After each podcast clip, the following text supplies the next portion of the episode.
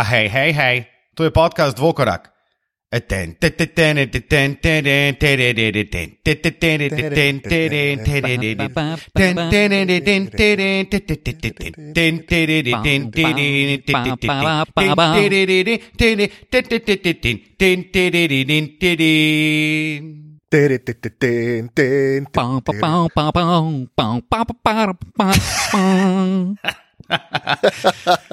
Kakšne so laže. Tole pa pol, ne, to je bila ba- bas kitarca. Uh, dobrodošli, nova epizoda podcasta Dvokorak. Nekaj časa se nismo slišali, uh, ne videli, malo smo zginili iz obličja zemlje, ampak imamo fantastične razloge, zakaj je bilo temu tako. Seveda pa je tole urgentni, nujni podcast, ki ga enostavno moramo posneti. Namreč eh, danes zjutraj se je končala sezona 2018-2019 v ligi NBA, Toronto Raptors so naši novi prvaki. Matija Kosmač, Tilen Lamut in Luka Štucin smo zopet z vami. Fanta, kaj dogaja? Jaz bi najprej rekel, hej, da, hej. hej, hej, Kar, kar dilen. Kar, Hej, kar hej. dilen, evo. Ja, Luka je rekel na začetku, da so, da so Toronto Raptors naši prvaki. Ne? Moji glih niso. No. Nisem rekel naši. Ampak, ja. Ja, rekel si naši. Ja, boš si poslušal pol še enkrat, pa boš Naši slišal, da novi videl naši. Ja, pa dobro, mi smo družina lige NBA, mi spadamo noter. A ja, a ja, ok, Smislu pa kot- pa vredo. ja, iz, iz pogleda lige, ne kao iz pogleda Koroške ulice ali pa kaj takega. Aha, aha, aha, no, vredo, vredo. Drugač pa super, lej, krasen dan, toplo je, meni je top. Ja, jaz se pridružujem, meni je tudi super. Zunaj je tako fajn toplo, da sem noter v hotelski sobi na klimi in mi je live. Um, a ste kaj vesela, da je konec sezone? Ja, jaz sem mal vesel, da je konec sezone, zato ker se obeta zelo zanimivo poletje. In jaz moram reči, da včasih celo bolj uživam v teh uh, free agency zadevah kot uh, v sami košarki. Jaz bi se kar pridružil temu mnenju. Jaz sem kar vesel, da je konc, se pa tudi ful veselim tega, kar prihaja, ker bo ful, ful pestro.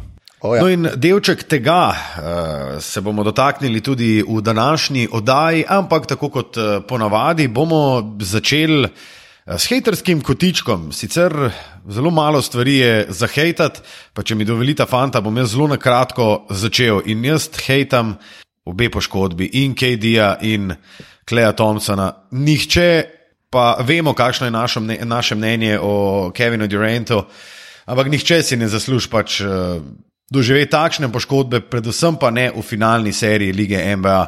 Mislim, da se ne, ne spomnim se, kdaj se je to na zadnje zgodilo, no, da sta se dva res super zvezdnika poškodovala in to dve resni poškodbi. Oba sta okrevala po poškodbi mišice, oba sta mogoče mičkam kompenzirala um, nezavedno, pa je pač telo popustilo, v vsakem primeru pa.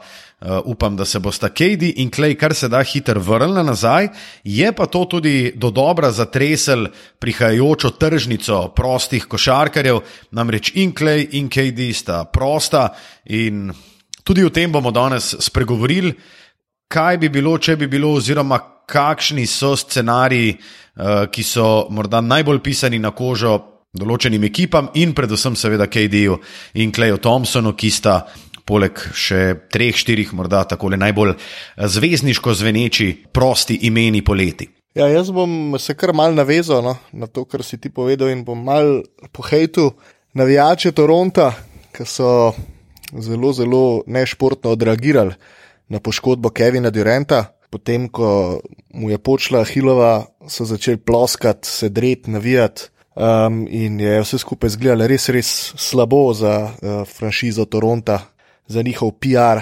Um, to hkrati pa, ja, res je to, kar se je zgodilo Durantu in Kleju Thompsonu, pa konec koncev Warriorsom, je res grozno. No, in uh, jaz sem bil tudi mal presenečen, pa po eni strani mal vesel, po drugi strani pa mal razočaran, ker niti ne vem, kaj ne si o tem mislim. Ampak že to, da sta in Klej in Kevin pokazala to veliko željo, ko vsi smo jim to malo čitali, kao, lani so osvojili naslov, pa je bilo tako malo antiklimatično, niti ni bilo pravega vesela. Ampak letos sta dokazala, da si res želita novega prstana, da sta pripravljena za to, da na linijo tudi svoje telo in konec koncev sta to tudi naredila.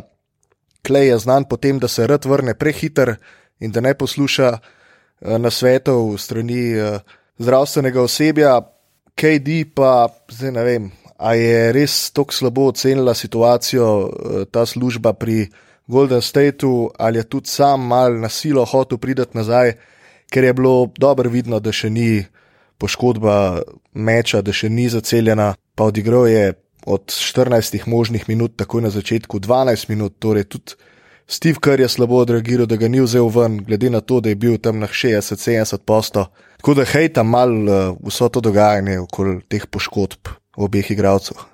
Ja, najprej bi jaz rekel, da se absolutno strinjam s tem, kar je rekel Luka, kar je on hejtal in s tem, kar si hejtal, ti dve poškodbi ste res full bedni. No? Uh, noben si ne zasluži tega, pa tudi v bistvu se ta Golden State zdaj v enem tednu konkretno sesul sam vasene.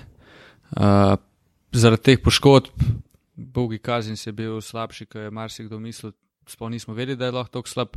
In na koncu je to vse skupaj izpadlo, da so bili pač res ena, ne bom rekel poprečna, ampak do slabša ekipa, kot pa smo jo pričakovali, da bodo oni v, v tem delu oziroma v finalu.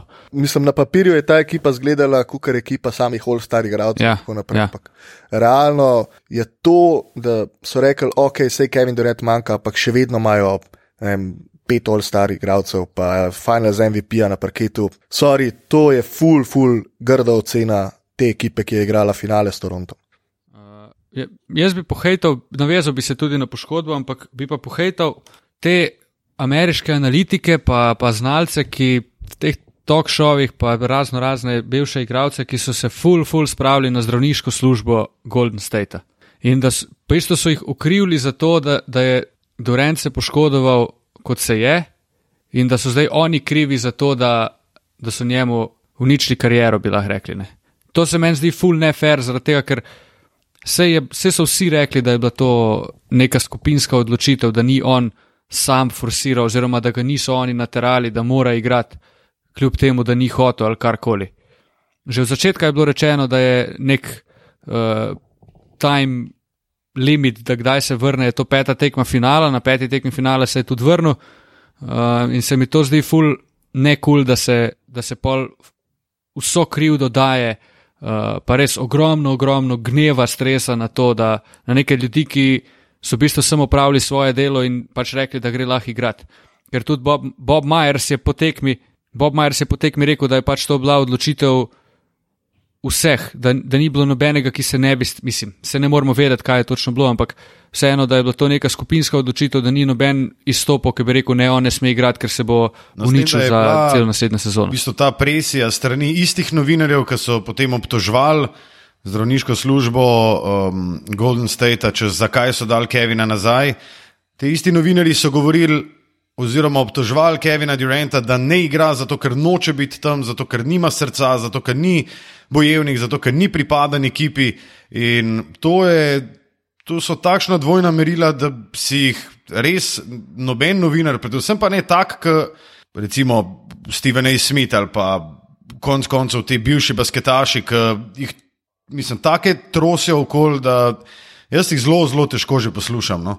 Um, in to so torej isti ljudje, ki so v bistvu prisilili oziroma dali pritisk tudi na zdravniško službo Golden State in na KD-ja samega, da se je, pol po njihovem mnenju, uh, napačno prehiter vrnil. In to se mi zdi, da, lej, mislim.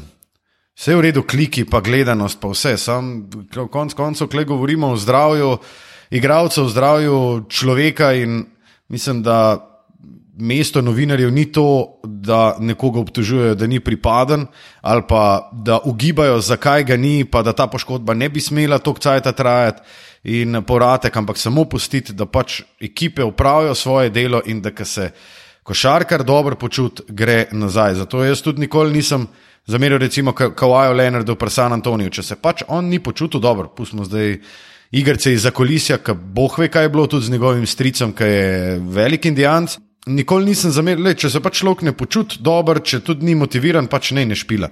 Ja, se pač se bo zameril določeni, določenim navijačem, ampak pač tako je. In tudi zaradi tega mislim, da pač puste, da ljudje upravijo svoj del in se vrnejo takrat, ko se počutijo pripravljeni in ko se počutijo udobno v svojem telesu. Tako. Ja, in ker tudi, naprimer, ni, tudi Durant je rekel, da, da je hotel igrati, da je se čutil sposobnega, da igra. Zdaj, ali je to res, ali je imel kako rezervo, oziroma bolj kot ne bremzo. To ne moramo vedeti, meni je na igrišču zgledal sicer, da je imel malo bremze, da ni vse glih tako dobro, kot bi moglo biti, ni se gibal, kot se on ponavadi giba, bolj kot ne, so bili to nek pull-up šuti, catch and shoot šuti, ampak vseeno, on se je za to odločil in zakaj pol obtoževati vse druge ljudi, da so krivi za to, kar se mu je zgodilo, ker v končni fazi nekomu se lahko strga tetiva, tudi ko nima prej mečne mišice poškodovane. Ne? In to bi se lahko zgodilo njemu tudi v končni fazi, če ne bi prej sploh poškodovan. Tako da ta, ta dvojna merila so me res ful zmotljena. Ja, no, po eni strani se mi zdi, da je to tudi kar eno kolektivno mnenje večine ljubiteljev NBA košarke. Zdaj, naveličali so se ljudje po petih letih Golden State Warriors vsako leto v finalu in ja. letos se mi zdi, da se kar iskal malo vsako zadevo, kako se, kaj še najde, da se še mal bolj zarotiš proti tej ekipi. Men, pri meni se je zgodilo pa ravno obratno. Jaz sem bil ljubitelj igre njihove zaradi Stefa Krja, pa Kleja Thompsona in še vedno sem. In v bistvu po eni strani mi je mal žal, da, uspe, da jim ni uspel tri pit, ki mislim, da bi si ga ta ekipa zaslužila, ampak pa so dve finalni seriji odigrali, kot so jih, poškodbe so odigrale svoje. Ampak meni se pa lih zaradi tega se mi še malo bolj prekupla, ker so res pokazali, da, da imajo šampionsko srce, da hočejo zmagovati in da jim pač v dani situaciji res, res ni šlo čist, čist nič po načrtih. Ja, res. On, ta, v tej finalni seriji je Golden State izgubil čisto vse. Jaz sploh ne vem, kaj bi se še, sem še kar bi se mogel poškodovati in pa bi res imeli pa totalen pogrom ni, ni mi šlo vse narobe v dveh tednih. No, Enem pa, kar so pa pridobili, pa po mojem zelo velik simpatij tistih neodločenih. Ne. Nikoli si nisem mislil, da bo dejansko javnost tako razdeljena. Sicer vsi, ki so si želeli nekaj novega, so želeli, da Toronto zmaga, da postanejo prvaki. Prvič v zgodovini, nasplošno kanadska ekipa, do naslova prvakov, um, ampak obenem je bilo pa toliko ljudi, tudi s prijatelji, s kolegi, znanci, ki sem se pogovarjal, velikih je v bistvu čisto odkrito navijal za Golden State. Mislim, da tudi zaradi tega, oziroma predvsem zaradi tega, ker so vsi videli, vsi smo videli, koliko jim je res šlo na robe v teh uh, zadnjih 14 dneh. Fanta, dej, gremo naprej iz tega hate kotička in sicer 4 proti 2 je bil končni rezultat. Glede na to, kaj smo videli, se vam zdi, da je rezultat presenetljiv, ali je pač to samo realen odraz tega, kar se je dogajalo v zadnjih treh tednih? Jaz mislim, da ni presenetljiv, glede na to, kaj smo videli, eh, oziroma kaj se je dogajalo v vseh teh tednih. Presenetljiv je, če bi um, na to gledali dva meseca nazaj in rekli, da bosta ti dve ekipi v finalu in da bo Toronto zmagal 4-2. Toronto si to nedvomno zaslužil, Kawhi odigral eno fenomenalno serijo, Fred Van Vliet je odigral nerealno. Jaz si nisem mogel misliti, da bo zdržal toliko časa v taki formi, kot je. Um, in ja, imeli so tudi konec koncev šest igralcev, ki so v povprečju beležili deset ali več točk na tekmo, prvi po Lakersih leta 87, meni se zdi v finalu. Tako da ja, no, meni, glede na videno, ni tako presenetljivo, mogoče sem pa pričakoval tudi uh, včeraj, še pred to zadnjo tekmo, da bo vse šla serija v sedem um, kar bi se mogoče z zdravim klem, konec koncev, tudi zgodil, uh, bilo je zelo blizu, um, ampak ja, zasluženo Toronto. No. Um, en ful zanimiv podatek, glede na to, da si uh, omenil Freda Van Vlita in so mi zasijale oči, moram reči, da me je Fredi res navdušil. Um, če bi ti kdo pred začetkom, oziroma če bi vam kdo pred začetkom finalne serije rekel, da bo Fred Van Vliet tak faktor in tale podatek je nevreten. Ne? Fred Van Vliet je v bistvu najboljš prehrano za konc. On je v zadnji četrtini dosegel 12 točk, zadnja četrtina šeste tekme. On je dosegel več točk kot Kawhi Leonard in Steph Curry kombinirano v zadnji četrtini in mi govorimo o Fredu Van Vlietu, to je košarkar, ki je bil undrafted. To je košarkar, ki, mislim, kdo On je dobil en glas celo za MVP-ja finala, Hubie ja, Brown ja. Uh, mu je dal ta glas. Ampak kdo, kdo za hudiča bi si mislil? Mislim, če bi meni kdo rekel, hej, Fred Van Vliet bo pa v bistvu drugi najboljši basketaš Toronta v finalni seriji. A, mislim, da naslednji naslov za te parijato pa Ljubljana polje. ja, res je presenetil, mislim. Meni je on ful všeč kot igralec in malo sem razočaran potem, ko je v prvih uh, dveh serijah letošnje končnice igral slabo in so vsi rekli, evo, smo rekli, ne, Toronto ima dolgo klop za redni del, pa redni del lige, ko enkrat pride playoff, pa ti igralci niso več na dovolj visoki ravni, da bi lahko igrali. In to, da je Freddy dokazal vsem, da so se konkretno zmotili, um, je meni fenomenalno. Tilen, po čem pa si boš ti mogoče najbolj zapomnil to uh, finalno serijo? Zdaj, meni si pa kar drugo vprašanje, neko daval kaj. Po čem si jo bom najbolj zapomnil? Po tem, da je Toronto naredil eno tako res pravljico, ki si nihče ni mislil, da so sposobni jo narediti.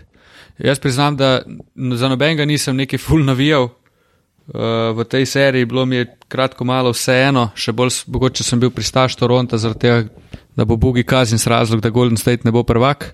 Ampak ne. No, a, a se kar vržemo v to? Ne, bomo- Dajmo, dajmo se, dajmo se nasloniti. No, No, dajmo se povej, nasloviti. ker še imaš za povedati, ampak dajmo se pa nasloniti. Ne, jaz bi čisto čist na kratko. Jaz bi sam rekel, da Golden State je imel ogromno težav. Verjamem to, kar Steve Matija rekel, da če bi Klej odigral to tekmo, takrat, ko se je on poškodoval, je bil Golden State v seriji in takrat sem jaz imel občutek, da bodo oni prišli do malo večje prednosti, pa odpeljali tekmo do konca, v sedmi tekmi, bog zna, kaj bi se zgodilo. Uh, sem pa full vesel tudi za Toronto, zaradi tega, ker to je letošnji playoff, je za njih cela pravljica, pa cela sezona v končni fazi. In res full dobra zgodba in kul, cool, da so prvaki. Jaz tudi, če se še dotaknem tega, jaz tudi mislim, da bi eh, Golden State tole šesto tekmo s Klejem dobil še več. Jaz mislim, da bi dobili finalno serijo, če bi bil Klej zdrav. Zato, ker je to končnico, je pa Klej odigral res neverjetno. Mislim, da je imel šest. 26 točk v povprečju, na tekmo neverjeten med za tri, bral sem 60 tudi neko analizo, da Ja, 60 Po posto. 60 posto je metu trojka, Naj, najboljši in- v finalu. Gledal sem celo analizo, da je v bistvu trojka Kleja Thompsona ključ do zmage Golden State in vse je bilo v bistvu podkrepljen s tem, kako se giba, koliko se giba, koliko preteče, eh, kolikrat v bistvu dejansko zavodi žogo in res neverjetno, kakšna garača sta tudi brez žoge Steph Curry in Clay Thompson. In zelo težko je videti, seveda, takšno poškodbo in da se, eh, da se je mogel pač posloviti in da ga kar nekaj časa ne bo. Ampak eh, recimo jaz bi rekel, da Bogi Kazins ni bil razlog, zakaj Golden State ni osvojil uh, naslova. Ja, pa je. Ok, Tilen, zakaj? Zaradi tega, ker so imeli ogromno poškodovanih igralcev in on je bil en izmed superzvezdnikov, ko je prišel v ekipo in bi mogel potegniti ta voz. Tudi če ne bi potegnil voza z ciframi 20 točk pa 15 skokov, kar je on sposoben, bi mogel vsaj potegniti voz na način, da ne bi naredil toliko neumnosti, ki jih je naredil, pa je igral res slabo. On je bil smešen na trenutek. No, To, on, on, je, on je padel okay, ampak- tako povprečje centra. Luka še sam si bil vesel, ko je Kevin Looney prišel nazaj, da bo prvi center Golden State. To ti full dos pove. Ne, sploh ni, sploh ni dvoma, Oba, vsi se strinjamo, da je Bogi odigral podpovprečno in to neverjetno. Ne? Uh, ampak jaz se zdaj borim proti temu, da mi pač ne bo treba ojta reči, uh, da si bog tega življenja.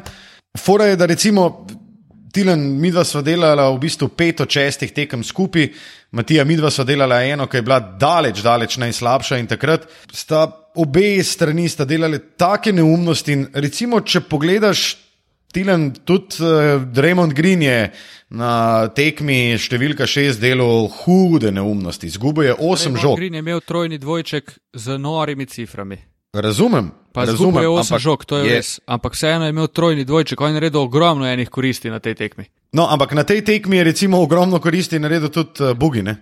Ja, model je v, v 19 minutah dal 12 pik, 5 skokov, 2 asistenci, blokado brez izgubljene žoge. čist enostavno te bom vprašal, a je to bugi, ki si ga ti pričakoval, da ga boš gledal v dresu Golden State? Ne, sem okay, že povedal, to je to. to Ne, ne, to je to. ki sem ga pričakoval. Ja, ampak on ni pol, zakaj pol, če jaz mislim, da on ni. Rato, Um, um, Rato bil je preslab. Ja, ok, bil je preslab, ampak ni bil pa razlog, da je Golden State izgubil. Razlog, da je Golden State izgubil, je, da ni bilo Kevina Duranta, da se je Clay Thompson poškodoval na šesti tekmi, da Steph Curry ni mogel, da je Kevin Looney igral s počenim prsnim košem, da je Andrej Godala igral na eni nogi, da je Draymond Green na cajte delal take neumnosti kot Bugi Kazins in da valjda Bugi Kazins ni igral tako, kot smo mi pričakovali in da je delal neumnosti. Da Andrew Bogut ni bil niti nikakršen faktor ali pa karkoli drugega, in da recimo Queena Kuka na zadnjih dveh tekmah ni bilo, da ne omenjamo Šona Livingstona. No, meni je sem še, da ti bom skozi lahko rekel, da Golden State ni prvak zaradi bugija. Sej, težko je zdaj, težko je pa kar reči. Mislim, kaj pa je to, kaj pa pomeni to, da je Bugi razlog, da Golden State ni prvak? To je Kaj pa- bi mogel na sebi, pa- ampak saj na sebi Zelo, blizu smo bili temu, zelo blizu smo bili temu, da Bugi dejansko Ja, res je. Bi lahko bil razlog. In to je bila peta tekma. Ja, peti en je delal- Peti težki. on je delal take bedarije, da sem jaz se mu hotel odpovedati kot mojemu, mojemu um, najljubšemu košarkarju oziroma personi v ligi NBA. On je delal takrat take gluposti, mislim, vse stilom, so se parkrat spogledali, sem rekel, pa dobro, bogi, mislim, ko. Kako je tista tekma sploh prišla do tega, da je Golden State zmagal po vseh neumnostih, ki so jih naredili v zadnjih minutah, je čudo. Ampak ja, kar hočem reči, ne, zdaj, razlog, da je on krivc, ti, se pravi, v tvojem primeru bi bil edini. Ra, edini pravi razlog bi bil, da vem, Bugi zgreši zabijanje na sedmi tekmi, pa eni piki zaostanka Golden State, pa bi rekel, ok, Bugi je razlog. Bugi je Ne, en, ne. en velikih razlogov, no, da, da Golden State Se ni bil tako dober, kot smo ga mi videli na začetku sezone. Res, da je tukaj. Mogoče nismo do dobra, nismo do dobra um, Zdefinirali. tole, razdelali to, kaj pomeni, ne Seveda, seveda, da nismo. Ne, to Ne, zdaj ker še tudi, tudi v primeru, naprimer, če, bi, če bi Golden State rato prvak, ne, a to pomeni, da je avtomatsko, da imaš ti prav, ne, ker vse mogoče pa on sploh faktor ne, ne bi bil. Ne. Ne, ne, ne, to ne pomeni, da imam jaz avtomatsko prav, niti slučajno. Ampak v bistvu mene je takrat, ko si ti to rekel, me zmotil, zato ker si v bistvu uh, izločil Bugija iz ekipe 15 in izrekel, on bo razlog, da Golden State ne bo prvak. Ne. Uh, jaz sem rekel, ok, jaz pa mislim, da Golden State bo prvak. Pa smo mogoče malo preveč ohlapno se dogovorili, pa neke kriterije postavili. Ampak jaz se strinjam in priznam, Tilen Lamut, ne bom rekel bog tega življenja, ampak Princ. polbožanstvo te Slovenije, recimo, evo, to si zaslužiš. Da je bil Bogi Kazins eden izmed razlogov, zakaj Golden State ni osvojil naslova prvaka. Luka, hvala lepa, cenim to. In to mislim, da bo tudi naslov um, našega podcasta. Tilen Lamut, polbožanstvo Slovenije. Pol- Pol božanstva, pol Slovenije. ja, pa v bistvu polbožanstvo bele krajine. No, to mi je pa še najbolj všeč. Ej, eh, sem, je, pa, je pa res, ne, zdaj pa malo, malo realnosti. Uh, Matija Kosmač, prosim, zaupaj našim poslušalcem, kak je tvoj novi vzdevek za Demarkosa Kazinsa. Bogi Kazins. Meni to ni smešno. ja, On je sorry, bil tok, ej, sem, on je bil Finale res tok bil- bog. On je bil bog. On je pač bil- Kevon Luni, razumeš, Luni je. Tako kot si se ga ti razveselil, se ga je marsikdo, ki je drži, pe, eh, drži pestal, pesti državo za Golden State. In kaj enkrat, ne vem, kaj on luni, boljši oziroma večji faktor v seriji kot Demarko Skazi, pol neki ni uredene. Pol si mal bogi. Ker pazi, v peti tekmi, ko je Durant začel, pač Bug je bil prvič pokazan na ekranu sred druge četrtine, malo pred tem, ko je Durant padel na tla, pa se poškodoval. In mi smo kar pozabili takrat na Bugija. Pač njega je Steve Kerr benčal in v novni tekmi, po mojem, kazni sploh ne bi igral. Pol je sicer pač mogel priti noter, ker se je rotacija čisto spremenila, ampak on je res vzel 20 milijonov sam sebi, pa podpisal za veteran minimum, celo če se ne motim. Ne, mid-level, Mi- 5 milijonov. V glavnem, full, full malo milijonov, ja. keša. Zdaj pa pač ne vem, kdo je lahko še tako neumen, da njemu da nek full velik cash v prihodnje New York. NBA. Ja, New York je absolutno pretendent pri tem. ne dvomno. Ej, ful se pogovarjamo o Golden Stateu, dajmo se pogovarjati o Torontu, no, oni so zmagali. Dajmo. Sam Freda vam velita smo mi. A lahko jaz začnem, Prosim, daj. da se takoj na začetku posujem s pepelom in dam zaprav Matiji Kosmaču, ki je bil največji zagovornik Kajla Laurija. Uh, mene je Kaj Lauri navdušil v finalu vzhoda in v finalu lige. Tip je odigral res hud basket. In najbolj všeč mi je pa to, ker je res našel svoje mesto v ekipi, našel svoje mesto na igrišču in je bil in v obrambi in v napadu full, full koristen. In vsakemu čas za to. Fred Van Vliet je itak šef, pač to, kar je on počel, je meni sploh ni jasno, kako je možno. Uh, Kawhi Leonard, pač Kawhi Leonard, to je to najboljši trenutno na svetu. Točno to, top 3 z lahkoto. Z lahkoto, top zdravih tri. igralcih. Top ena, zaradi tega, ker pač je igral do zadnjega in ko enkrat ti zmagaš finale s tako ekipo proti taki ekipi, ne glede na vse poškodbe, ko priješ preko Filadelfije, preko Milwaukeeja, ko si v bistvu underdog, mogoče celo tri serije v končnici, pa vse dobiš, pa dobiš trikrat tekmo v Orek ali Reni, pa si daleč najboljši igralec na igrišču, pol je težko reči, da nisi top 3 oziroma najboljši na svetu, ker v enem trenutku pač si. No, meni bo Kawhi Leonard najbolj ostal mogoče po, po, v spominu. Ja, tisti neverjetni bazer biter in tudi ta serija finalna, ampak on je po finalni seriji, ki je upravil z novinarsko konferenco, je zraven imel svojo trofejo eh, MVP-ja finala, ki ga je osvojil. In je model lagano končal uh, z novinarsko konferenco, ustal sicer k 80 let strfoter. Ja, res. In, uh, Po štengah, res jedva je prišel po štengah dol. No? Po dveh, ampak on je lagano svojo trofejo MVP-ja pustil na mizi in šel in šel ven, kot da se nič ni zgodilo, in pol mu je, mislim, da nekdo prinesel, hej, kaj, pozabil si tole. Pa, ok, v redu. In to mi je. On res rad igra. To basket. mi je tako dobro, zato, ker re, on, je, on je pač on to dela zato, da špila basket. Točen, pa da zmaga. Točen, pa mu to konc koncev nič ne pomeni. No, on je isto rekel, ker se je klej poškodoval, je rekel, da je ful razmišljal o kleju in da je v bistvu malo pozabil na, na tekmo nasploh, tako da, da mu sploh več ni bilo tako pomemben špilat.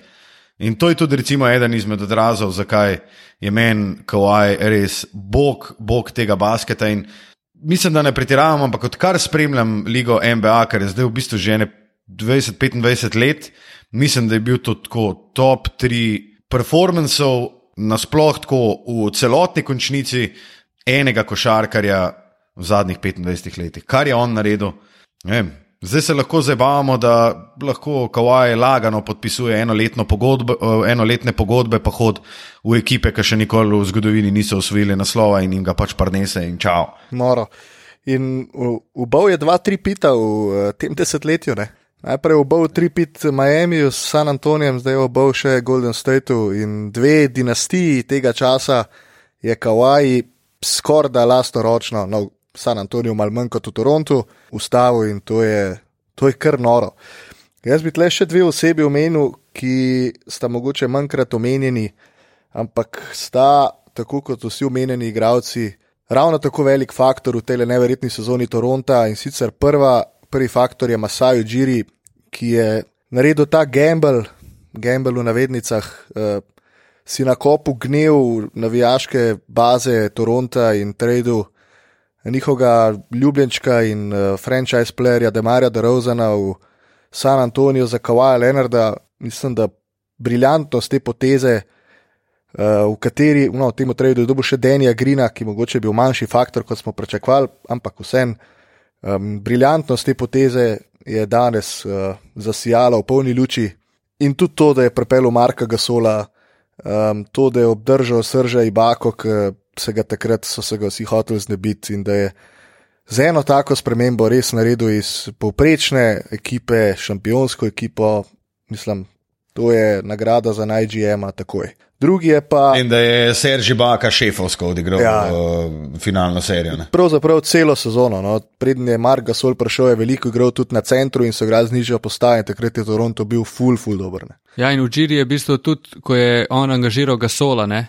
je dal stran Valančunasa, ki je bil tudi en tak nezamenljiv člen tega luzerskega Toronta do letošnje sezone. Ne. Ful, ful dober, ful koristen, pa vsi so ga imeli radi, pridn fant, ampak on si je pač upal ga tradati za enega v bistvu starega gasola. Uh, ja. Ampak če sem malo nadaljujem, meni je najbolj všeč od Toronta, kar se je z njimi zgodilo, to, da so šli prek Filadelfije s tem, ko je Kawhi bil one man band pa delno tudi proti Milwaukeeju, ful podobna zgodba do tega, da so v finalu nadigravali iz tekme v tekmo ta Golden State res z ekipno igro.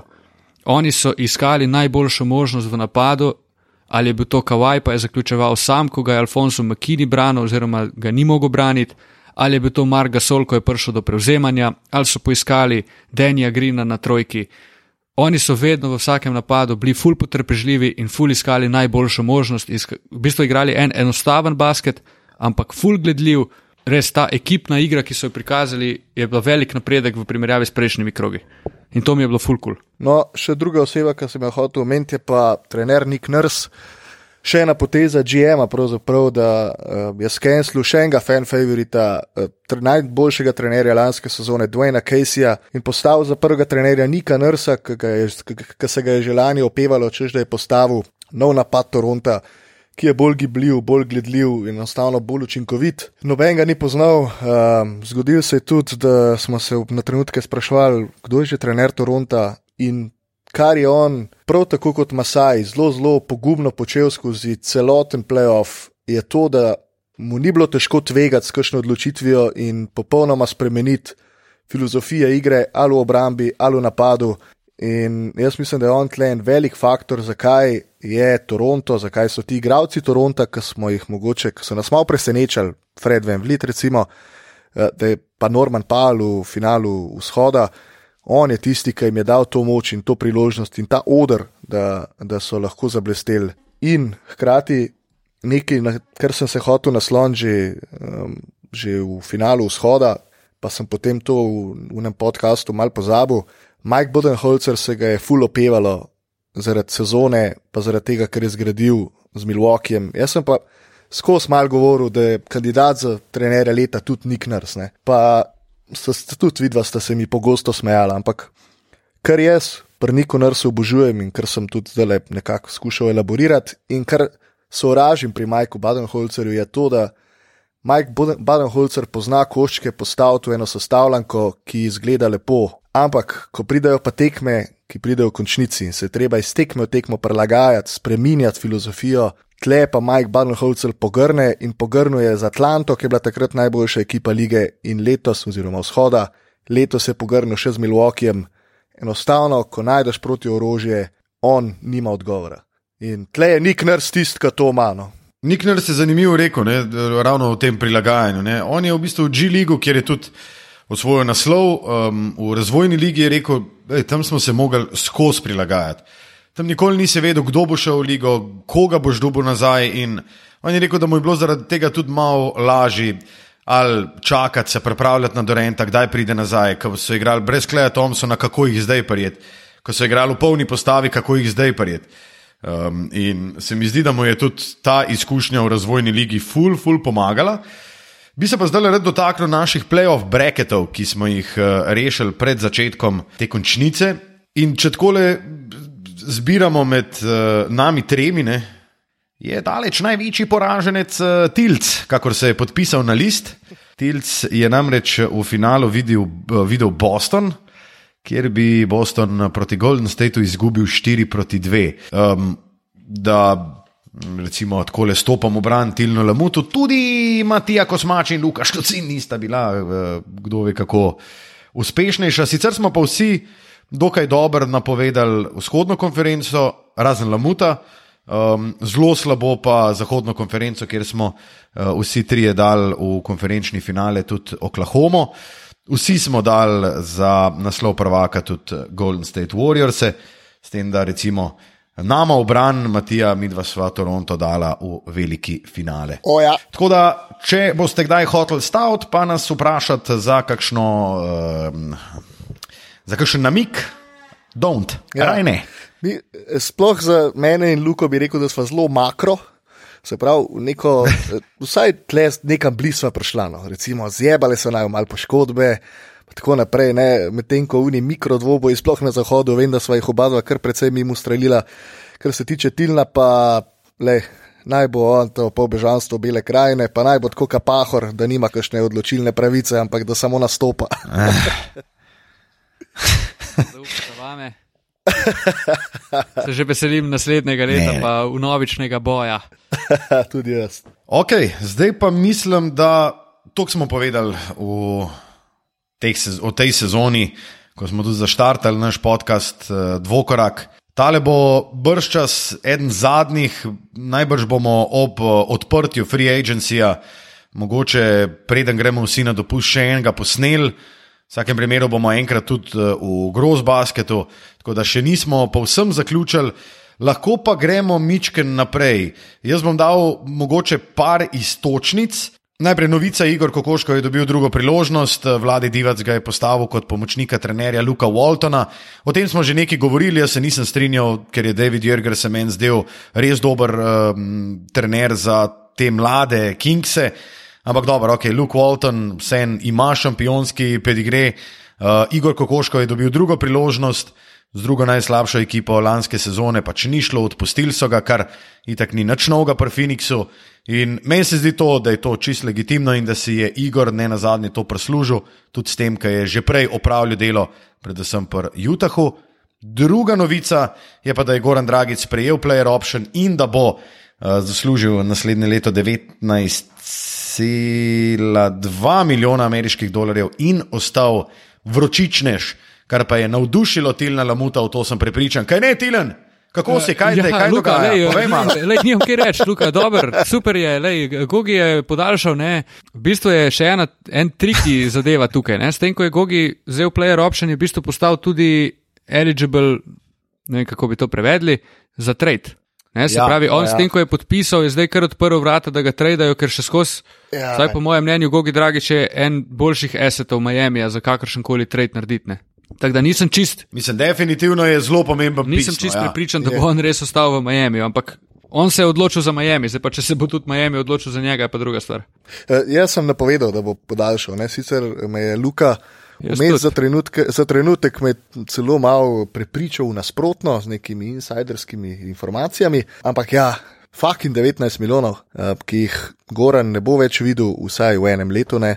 v Ligi NBA se bojim ne vem, no, 19 milijonov, kdo ga bo tradil. Težko mislim, je to. Ja, po drugi strani pa jaz ne vidim, mislim, fut, težko vidim, kakšno ekipo, ki bi Gora namela za 19. Um, tako da mislim, da bo Miami še eno leto taval v poprečnosti. No. Um, je pa to tudi uh, ena izmed uh, zadev, namreč uh, Miami bo spet zopet uh, tam tam uh, salary capom, zopet bodo mogli neki katent uh, in izplačati, da se izognejo luksusnemu davku. Ampak, ok, Miami mislim, da je eden izmed najmanjših playerjev, niti nimajo uh, neki zelo velik uh, možnosti, da karkoli spremenijo. Je pa res, da nas je Petra ali že nekajkrat presenetil. Gremo nazaj. KD s to poškodbo. Pa če mi dovolite, da najprej jaz zelo na hitro strnem misli. Jaz, če sem KD spočeno Hilovo tetivo, vzamem oziroma ostanem v Golden Stateu. In to iz dveh preprostih razlogov. Če sem jaz, recimo, zdaj New York ali pa Brooklyn ali pa Clippersi ali pa kdorkoli, recimo, da sem New York. Jaz ne vem, če bi KD-ja vzel, oziroma mu zdaj le ponudil na max pogodbo za pet let, glede na to, koliko je težka ta poškodba, s tem, da, da jaz dobim v bistvu od KD-ja na mest pet let, štiri leta, da sem negotov, kako se bo vrnil, in da dobim štiri leta KD-ja, ki je on star 32, 33, 34, pa 35 let. Jaz sicer verjamem, da je KD in njegovo telo narejeno, da kontinuirano lahko dominira v Ligi NBA, ampak ta poškodba je vsem. Meni je tako tvegana, da jaz se v to ne bi spustil. Prav ti si zdaj govoril s plati GM-a, ne s plati KD-a, kot si na začetku rekel. Ne? Ti si rekel, ja, ja. če sem jaz KD, vzamem 30 milijonov.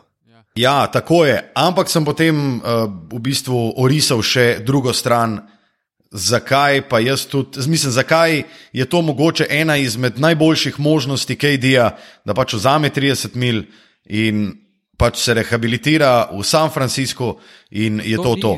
Če sem pa GM, pa pač njega ne vzame. To za njega, jaz pa mislim, da za njega to glih ni, on pa zdaj mora iti še bolj. Mislim, ja. Zato, ker lej, on ostane eno sezono v Golden Stateu, cela sezona gre v nič, sploh ne bo igral. In pol, kdo bo pa naslednje leto njega zdaj je težnja za Kevinom Durantom še skozi ogromna. Čez eno leto, kakorkoli obračamo zadeve, pustimo zdaj, kako bo potekala rehabilitacija, pa dajmo predvideti, da bo vse ok, bo absolutno manjša in on lahko v tem trenutku podpiše pogodbo za, po mojem mnenju, za več denarja, kot pa jo bo lahko podpisal čez eno leto. Jaz se popolnoma strinjam s Tilnom in čutim, če si GM ekipe kot je New York, ki bo, po mojem, ponudila štiriletni max Kevinu Durantu, kar je um, najboljš in za ene in za druge, ker lahko tako ponudijo največ denarja. Jaz mislim, da če, jaz, če se jaz hočem spustiti v ta gamble, da dosti raje ga imam v svoji ekipi, točno s svojim zdravniškim osebjem in točno vsaj po enem letu veš, kaj lahko od njega pričakuješ. Če čez eno leto on vzame 30 milijonov, zdaj le recimo player option, čez eno leto ti si zdaj že neko ekipo zgradil, po drugi strani pa ne veš, kaj od KD-ja pričakovati in Točno to. koliko denarja tudi dobi KD po naslednjem. No, ok, en protiargument. Uh, jaz se sicer strinjam, da ga vzameš in ga imaš pod svojim, pod svojim okriljem oziroma pod svojim nadzorom, svojo zdravniško ekipo. Ampak zakaj bo pa pol Porzingi zdobil takšno pogodbo, ki jo bo pa vemo, da je precej bolj tvegana zadeva, pa bo še zmeri dobil denar in to dober denar. Pa vemo, da on ni niti približno takšnih številk uh, kreiral, kot Zato, KD. ker je star 22 let ali koliko, 23, 24. Ja, pa z dvema v bistvu težkima poškodbama, pa nobene sezone. do Se, se konca čist strinjam, da Prozingis ni vreden denarja, ki ga bo dobil. To je, To se tudi ne Ampak strinjam. Pravim, da KD, KD bi dobil player option, pa bi še zmeri dobil manj. veš kaj je meni še ena stvar. Če, ti si prej rekel, da če si ti KD, da vzameš eno leto player option, pa ostaneš v Golden Stateu. Potem pa Max podpiše. Ja, meni pa ni jasno, zakaj bi ti eno leto preživel v Golden Stateu dobesedno na dopustu, pa vnaprej vedel, da boš pol nekje drugje igral.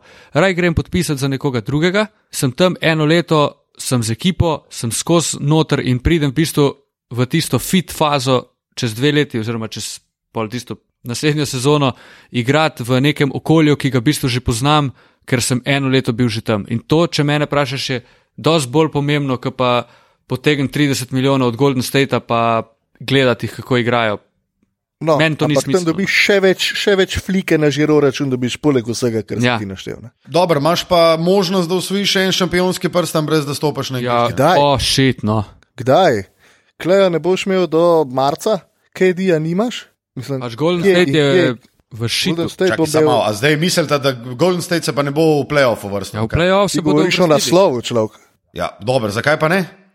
Ja, ne vem, zaradi tega, enkrat se ima, kar sem- povej še enkrat, prosim, Matija, zdaj ja ni slišal. Torej, Klej Thompson. Ja, pomaga. Kleja dobiš marca Ja, nazaj. No, Ja, se to je začetek playoffa.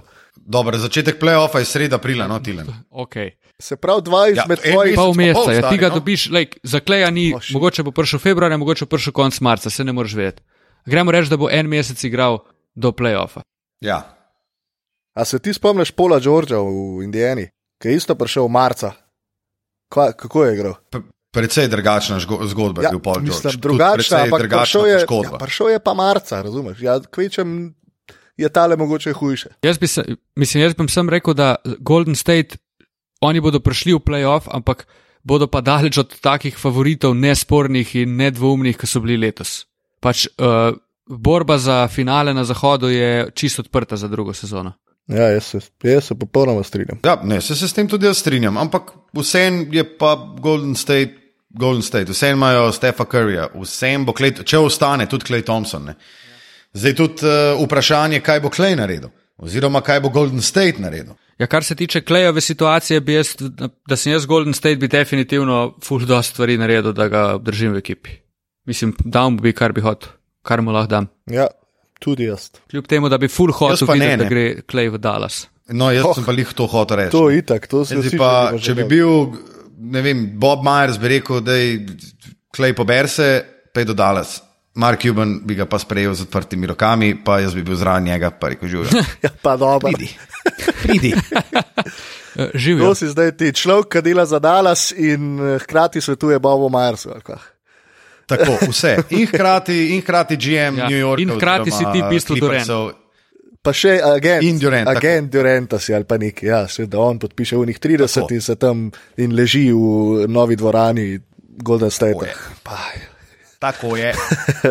v glavnem, tukaj, Procenti. tukaj vidim, da imamo precej deljena mnenja. No, ampak jaz sem tudi, kot je rekel Tilen, jaz sem za to, da ta, to jedro, Clay Thompson, Steph Curry, Draymond ostane skupaj. Ja.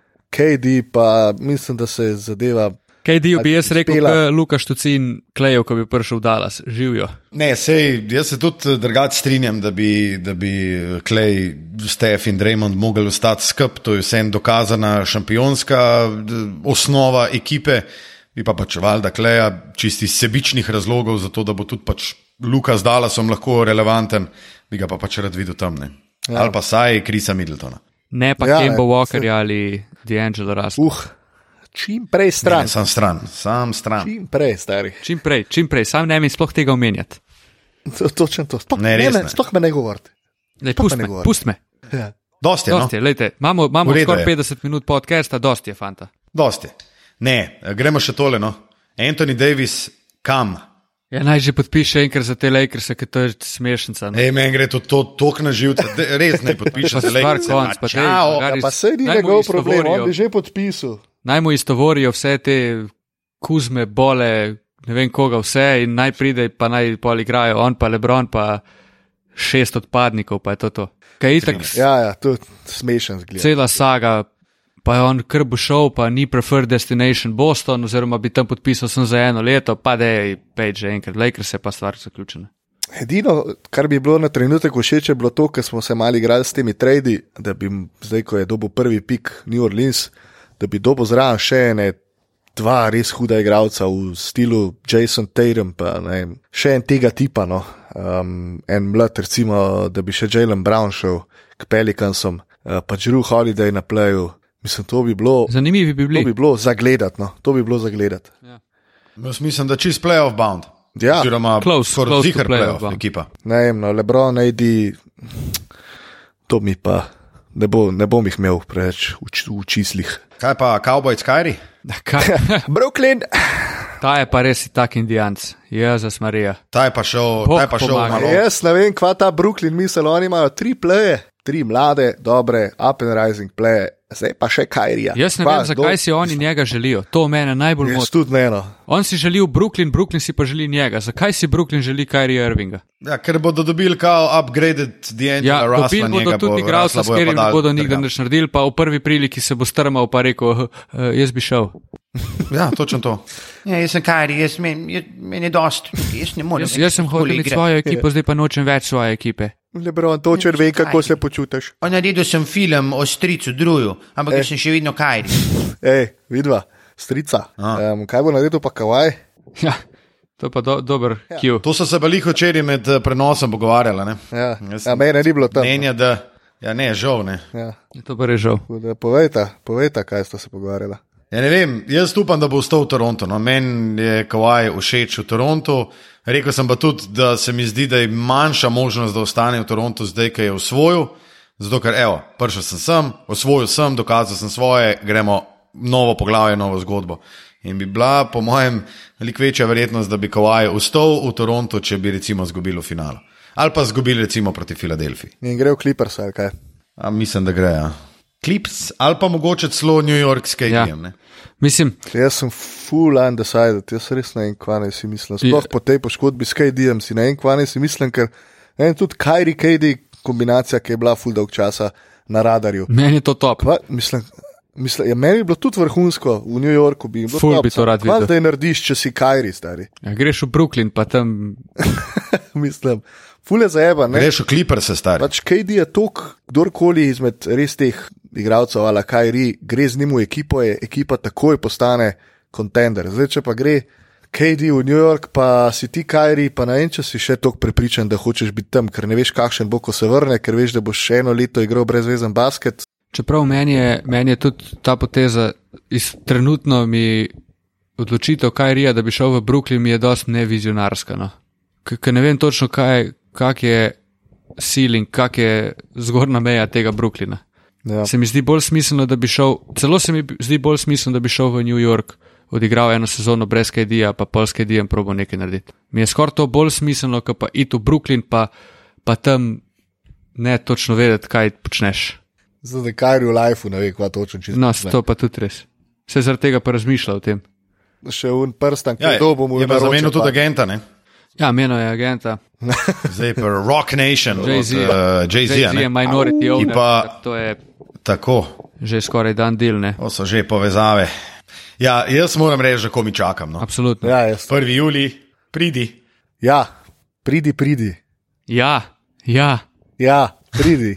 No, reče enkrat, no, pridi. ja, pridi. 1. juli, pridi. Ej, glede na to, da ponavljamo besedo pridi, mislim, da smo končali da smo. današnjim podcastom. Prišli do Eh, konca. Vsebine je zmanjkalo, ampak seveda, kot smo že rekli. Najbrž se bomo uh, tam v začetku julija, ko se bodo začeli te tektonski premiki po tržnici prostih košarkarjev v Ligi NBA, ko se bodo začeli dogajati tradi, se po vsej verjetnosti še enkrat slišmo. Seveda pa nas spremljajte na vseh družabnih omrežjih, Matija Kosmač, Tilen Lemut, Luka Štucin, uh, Instagram, Facebook in Twitter. Uh, hvala, ker ste bili z nami celo sezono. Uh, ful smo se imeli dober, vse skupaj je kulminiralo tudi tam v Grosu, kjer smo vas tudi spoznali. Ful, hvala, ker nas vsi poslušate.